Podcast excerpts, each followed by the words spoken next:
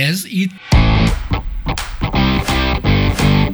a Duol podcastje.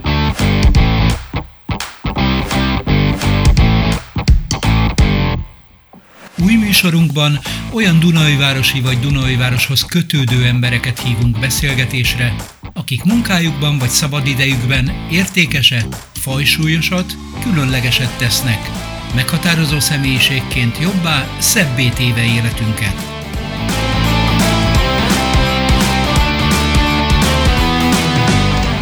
Mai beszélgetőtársunk Csadi Zoltán színművész, rendező, a Bartók Kamara Színház és Művészetek Háza művészeti igazgatója. A 2022-23-as színházi évad lesz az első, amely az ő ízlésének a lenyomatát viseli majd, hiszen most először állította össze Őze Áron igazgatóval egyeztetve a teljes repertoárt, beleértve a saját bemutatókat és a fogadott előadásokat is.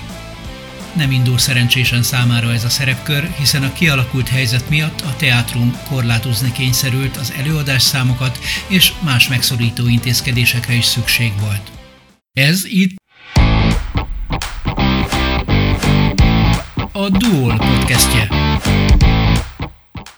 Hogyan lehet egy ilyen helyzetben évadot tervezni? Mennyire sok kompromisszumra kényszerül ilyenkor az alkotó fantázia?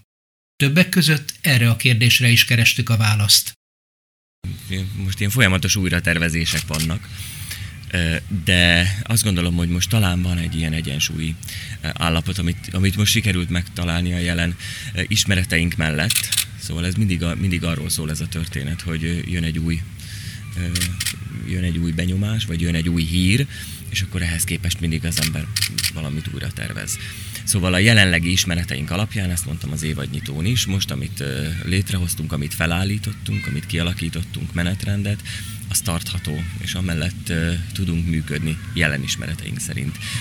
Ez nem jelenti azt, hogy egy-két hét múlva, vagy három hét múlva annyira gyorsan fluktuál és változik minden, nem csak az iparágon belül, már hogy így a szórakoztatóiparon, a, a művészeten belül is, a színházon belül is, hanem globális szinten is, hogy hát ezek ilyen komoly kihívások. Uh-huh. De, de, de azért ez ad, ad egy olyan plusz izgalmat, nyilván ami nélkül az ember nagyon jól ellenne, de, de hogy egy ilyen helyzetben nem tudom működni, az embernek magát kipróbálni, feszegetni a határait, egy csomó új dolgot is megismer magából, hogy ilyen, hogy ilyen rezilienciában, alkalmazkodó képességben ilyen új dolgokat fedezek fel magamban. mindent megmozgatott benned ez a helyzet, hogy, hogy most végül is a te lenyomatod lesz rajta ezen az évadon, tehát most meg tudod mutatni a te látásmódodat. Igen, jó lett volna, hogyha ez egy, ez egy békeidőben történik, ez, a, ez az úgymond első valódi évad, amit én terveztem, amit hát közösen terveztünk az igazgató úrral, Áronnal, de hogy, hogy mégis csak nagy részt azok mentén, az elgondolások mentén alakítottuk ki az évadot, amikben én hiszek, amik mellett én gondolom, hogy szeretnék színházat csinálni. Alkotótársakra gondolok itt, darabokra, műfajokra, stílusokra, mi ez, minőségre. Meg, megfogalmaznád, mi ez, ami uh, Igen, nincs nagyon messze attól, amit, amit az igazgató úr képvisel, és amit, amit ő itt követ, vagy követett eddig a színház vezetés élén, ugye egy népszínházi sokat koptatott és sokat használt, és már talán egy kicsit el is koptatott fogalom, vagy hogy egy ilyen színházi fogalom mentén, de hogy, hogy, hogy azért ezt mégiscsak megtölteni, megtölteni hitelesen ezt a, ezt a fogalmat, az a nagyon nagy feladat, hogy, hogy egy széles spektrumot járjon be a színház, és fedjen le akár a, a gyerekelőadásoktól, a minőségi gyerekelőadásoktól, a szórakoztató, nagy szimpati zenés produkciókon át, egészen a kortárs magyar bemutatókon, a klasszikus színházi repertoárt képviselő, akár magyar vagy világirodalmi klasszikusokat is színpadra állító és hozó bemutatókon keresztül mutatni egy, egy, egy, egy széles távlatot és egy, egy, egy nagy merítést. Kialakult helyzet miatt kellett elhagyni bemutatót? Kellett egy bemutatót, igen, átcsoportosítanunk a következő évadra. Ez ez egy pont egy kortárs magyar ö, regényadaptáció lett volna, de azért is döntöttünk emellett, mert hogy van egy másik kortárs magyar regényadaptációnk az évadban, amit pedig megtartunk, és, ö, és ö, maximalizáltuk az előadás számokat egy hónapban, az előző időszakban, Hát ugye itt mondjuk gondolok inkább a Covid előtti időre, időszakra, mert a pandémia alatt sem tudtunk a normális menetben működni, de, de mondjuk az utolsó békeév az 2019, és akkor 20-25 előadást játszottunk egy hónapban. Na most ezt maximalizáltuk 10-re. Tehát, hogy, hogy most itt az intézményen belül 10 előadást, és akkor emellé, hogyha kapunk esetleg meghívást valahová tájelőadásra, vagy, vagy vidékre, vagy, vagy más intézménybe, akkor, akkor az még plusz ezen fölül. Mert ugye ezt nem itt teljesítjük. Egyetlen egy célja van itt ezeknek a ö, megszorításoknak, hogy hát csökkentsük az energia és a rezsi ö, költséget. Ez azt jelenti, hogy a, a fogadott előadások is csökkennek, vagy ez a tíz, is lesznek? Ez a tíz, ez, ez, ez tartalmazza a fogadott előadásokat is. Ö, igen. Vannak azért itt olyan partneri szerződések, együttműködések, koprodukciók, amik miatt azért a, a, a vendégelőadások is megjelennek a színházban. Novemberben is lesz ilyen majd a Nagyváradi e, színháznak a, a, a táncegyüttese hozzá el a VUK című előadásukat, családi előadásként lesz majd ez november 6-án itt a színházban. E, Szóval jönni fognak majd a salgótarjániak is, akikkel van egy jó együttműködésünk, mi is menni fogunk jelen ismereteink alapján. Uh-huh. Szóval, hogy mi már így decembert tervezünk, decemberről beszélgetünk itt, a novembernek a tervezése az már nagyon, nagyon előre haladott állapotban van, és már a decemberi műsort is tervezzük. Furcsa, mert hogy még szeptember van, és már decemberről beszélünk, de hogy hát ilyen a színháznak a működése. Ez ebből a szempontból mondjuk nem változott, tehát hogy ez a fajta nagyon előre tekintés, ez ez, ez mindig is jelen van a színház életében. Minden színház életében nagyon hangsúlyos szerepe kell, hogy legyen a gyerekszínházi produkcióknak. Uh-huh. De most egy teljesen új területre ö, nyúltok be, ez pedig a Csecsemő Színház. Uh-huh. Mi adja ennek a létjogosultságát? Hát egy hosszú távú perspektíva, vagy egy hosszú távú tervezés, vagy, vagy, vagy egy egy hosszú távlatokban való gondolkodás, hogy majd ezekből a, ezekből a csecsemőkből előbb vagy utóbb kisiskolások lesznek, meg középiskolások, meg majd egyetemisták, meg felnőttek, és hogyha megismerkednek minél korábban a színházzal, eljönnek a szülőkkel, anyukákkal, apukákkal egy-egy ilyen 20 perces, maximum fél órás kis szinte már már mondhatom is ilyen beavató előadásra, ami, ami inkább, a, inkább a, az érzékekre hat, és akár egy-egy kelléknek a megérintésével, megfogásával, egy jelmeznek a megtapintásával, a hangoknak, a, a, az érzeteknek a, a, a, a megtapasztalásával, közelebb tud kerülni a színházhoz, és nem lesz számára idegen, amikor majd óvodásként elhozzák, amikor kisiskolásként elhozzák. Szóval, hogy, hogy valahogy építsük a, a, a közönséget, és ezt, uh-huh. és ezt nem lehet elég korán elkezdeni. A bemutatók ö, ról egy pár mondatot mondanák, hogy ö, milyen összetételben ö, Igen. állítottad össze?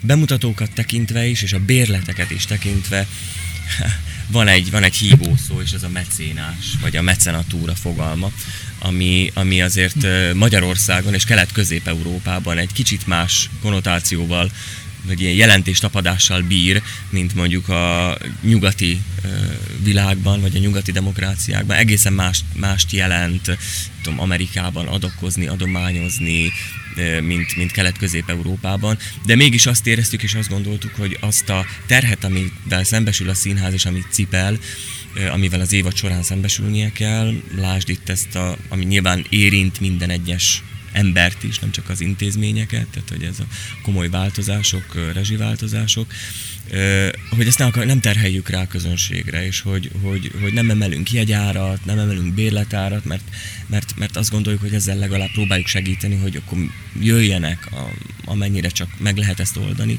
a család büdzséjéből, hogy jöjjenek, itt legyenek velünk, és tartsuk életben a színházat, tartsuk életben a kultúrát, mert hát hogy Churchill is mondta, hogy hiába háborúzunk, hogyha, hogyha nem lesz művészet, nem lesz kultúra, akkor, akkor az egész semmit nem ér, semmi, semmilyen háború nem ér semmit, hogyha nincs művészet és nincs kultúra, nincs amiért küzdeni és nincs amiért harcolni. Szóval, hogy létrehoztuk a mecénás bérletet, átneveztük a bérletünket mecénás bérletre, hogy ezzel is egy kicsit talán ösztönözzük azt a fajta lokálpatriotizmust, hogy mégiscsak ennek a városnak, ennek a régiónak, a mikrorégiónak egy színháza van, és ezt érdemes életben tartani, érdemes támogatni, érdemes kiállni mellette.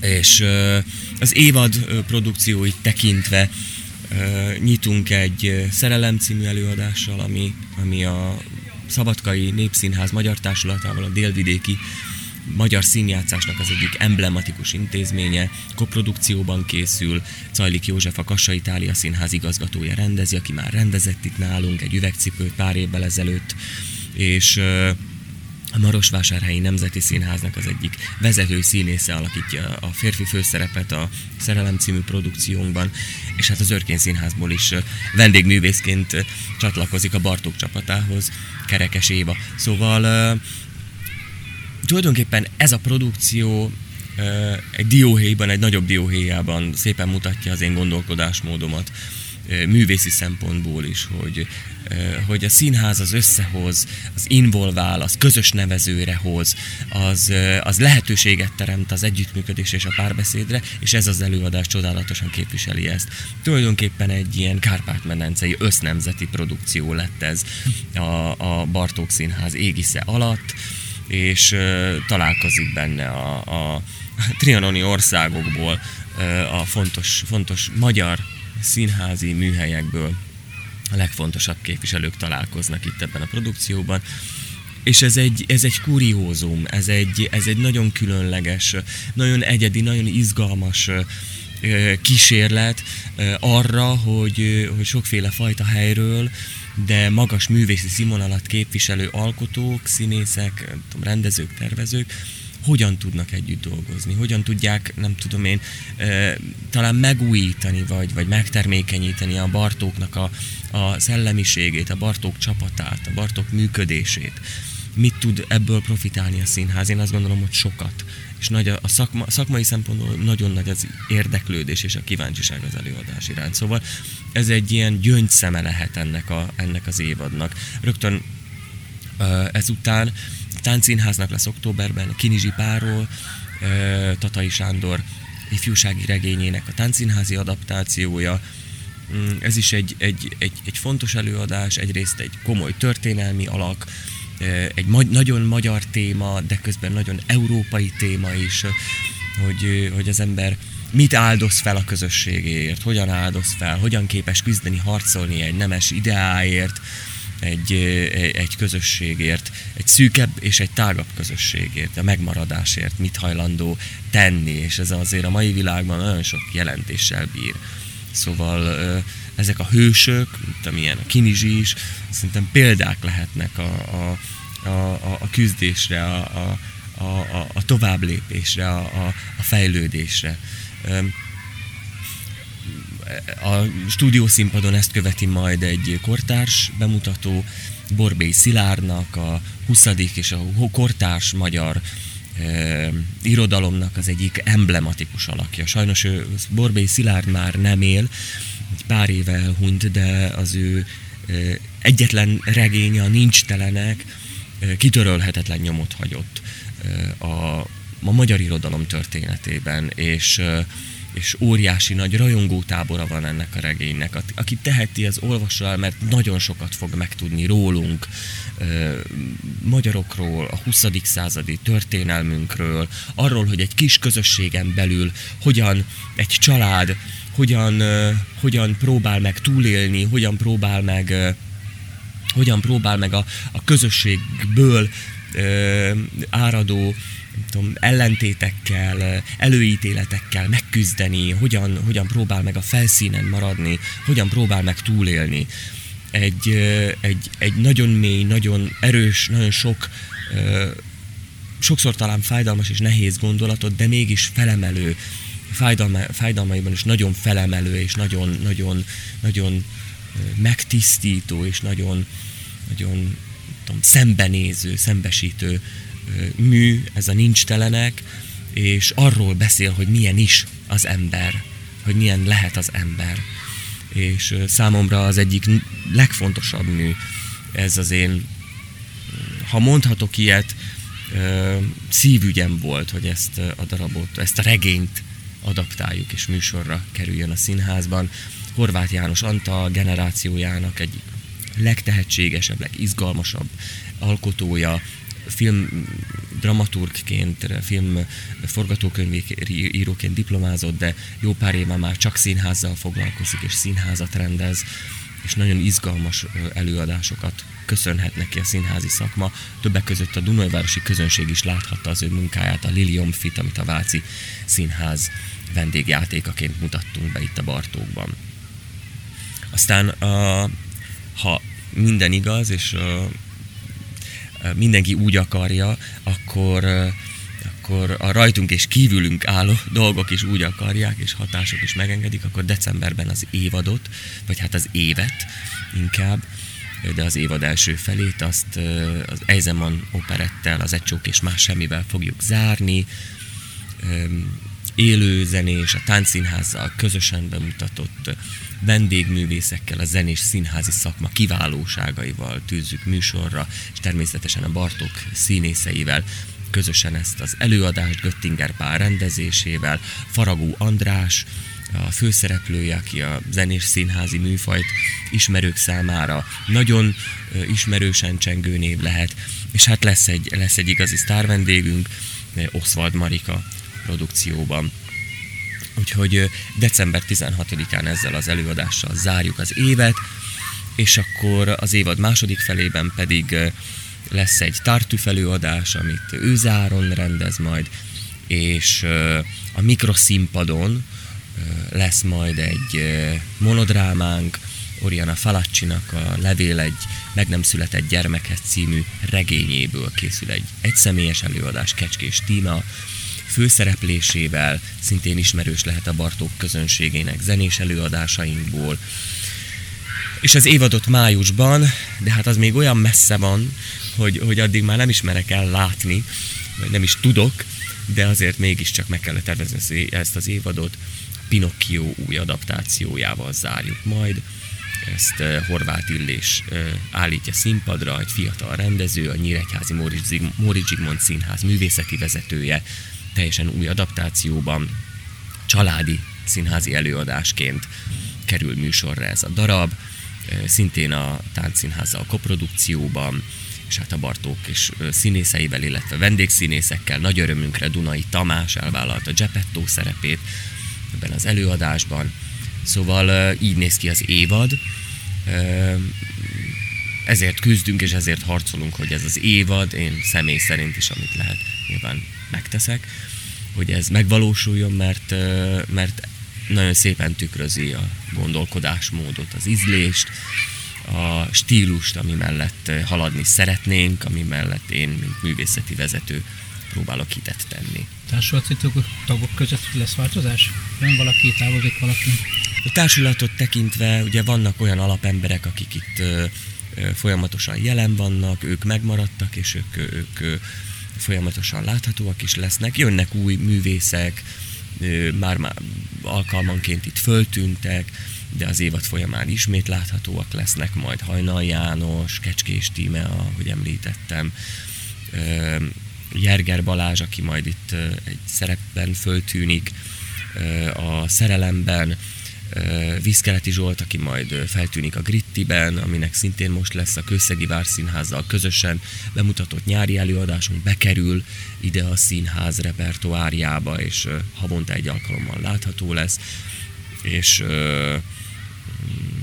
ők azok, akik ilyen visszatérő művészként az elmúlt évadnak, illetve az évad végének egy nagy durranása volt a Mikrofesztivál. Igen. Óriási sikerrel lesz ennek folytatása. Tudom, hogy nehéz Igen. messzire látni, de a tervek szerint. Hát az időpontját azt kitűztük, úgyhogy hogy azt, azt, azt jól befoglaltuk a, naptárban, amivel mi dolgozunk, kijelöltük, úgyhogy, úgyhogy ugyanígy június első hétvégéhez közel szeretnénk megrendezni a mikrofesztivált.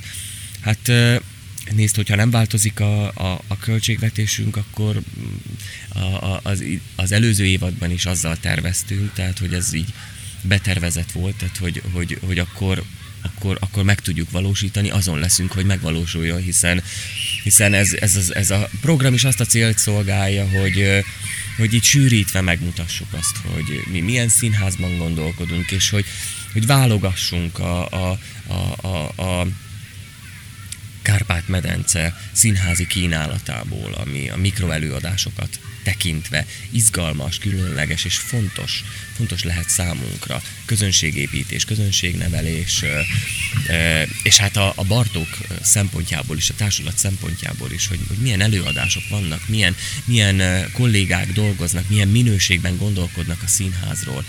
Ez fontos, hogy, hogy, hogy valami hez képest mindig tudjuk magunkat meghatározni, és valaminek a tükrében lássuk magunkat, hogy, hogy lám-lám így dolgoznak a Jorik stúdióban, és ez, ez példaértékű számunkra, ez, ez nagyon izgalmas, ez az út, amit ők képviselnek, ez a gondolkodásmód, ez a hozzáállás, ez az akarat, ez az igény, ez a színház csinálói igény, igényesség magunk felé, a közönség felé, én ebben hiszek, hogy, hogy ez az út, ez nagyon rögös, ez nagyon nehéz, ez nagyon sok megpróbáltatással van teli, ez nagyon sok, nem tudom, lemondással, nagyon sok tudom, fájdalommal is, mert az ember hiába akar küzd, valamikor, nem tudom, félre megy a dolog.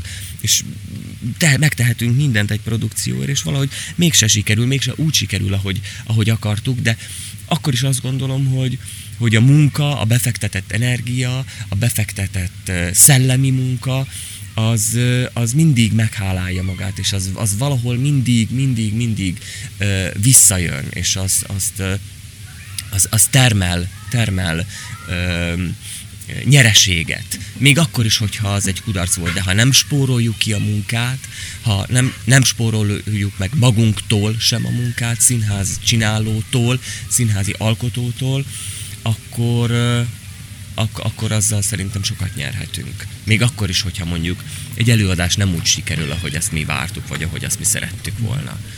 Szóval ez, eb- én, én mindig is ebbe hittem, ö, önmagammal szembe is sokszor talán túlságosan is ö, ö, maximalista vagyok, és túl sokat várok el magamtól, és belekerülök ettől egy ilyen, egy ilyen megfelelési kényszerbe. De hát most mit csináljak, ezt hozom otthonról, ezt láttam a szüleimtől, a nagyszüleimtől, ezt a kemény állandó munkát és, és menetelést, és, és nem tudok kibújni a bőrömből. Szóval sokszor ez biztos teher a kollégáknak, de hát így tudok dolgozni, és ebben hiszek. A Duol podcastjét hallották. Köszönjük, hogy velünk voltak. Tartsanak velünk legközelebb is!